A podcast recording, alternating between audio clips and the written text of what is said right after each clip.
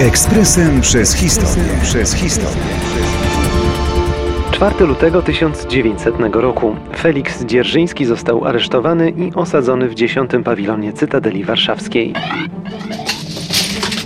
Zaskakujące, że nic we wczesnej biografii Dzierżyńskiego nie wskazywało na to, że zostanie jedną z najmroczniejszych postaci w historii XX wieku. Urządlenie komunizmem w tym przypadku dało wyjątkowo katastrofalne skutki.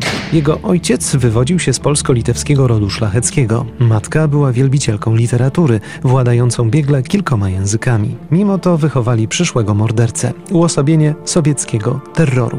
Już w gimnazjum młody Dzierżyński zetknął się z polityką, sympatyzując z polską polską socjaldemokracją. Działalność antycarska zaprowadziła go na zesłanie, a potem do więzienia. W Berlinie Dzierżyński zetknął się z działaczami socjaldemokracji takimi jak Marchlewski czy Róża Luksemburg. Ta ostatnia, chyba jako pierwsza, dostrzegła w Feliksie niebezpieczny rys fanatyzmu, porównując jego zachowanie do zachowania rosyjskich bolszewików. W późniejszych latach działacz znów wracał do więzienia za działalność konspiracyjną. Przewrót bolszewicki w Rosji okazał się dla Dzierżyńskiego nowym otwarciem.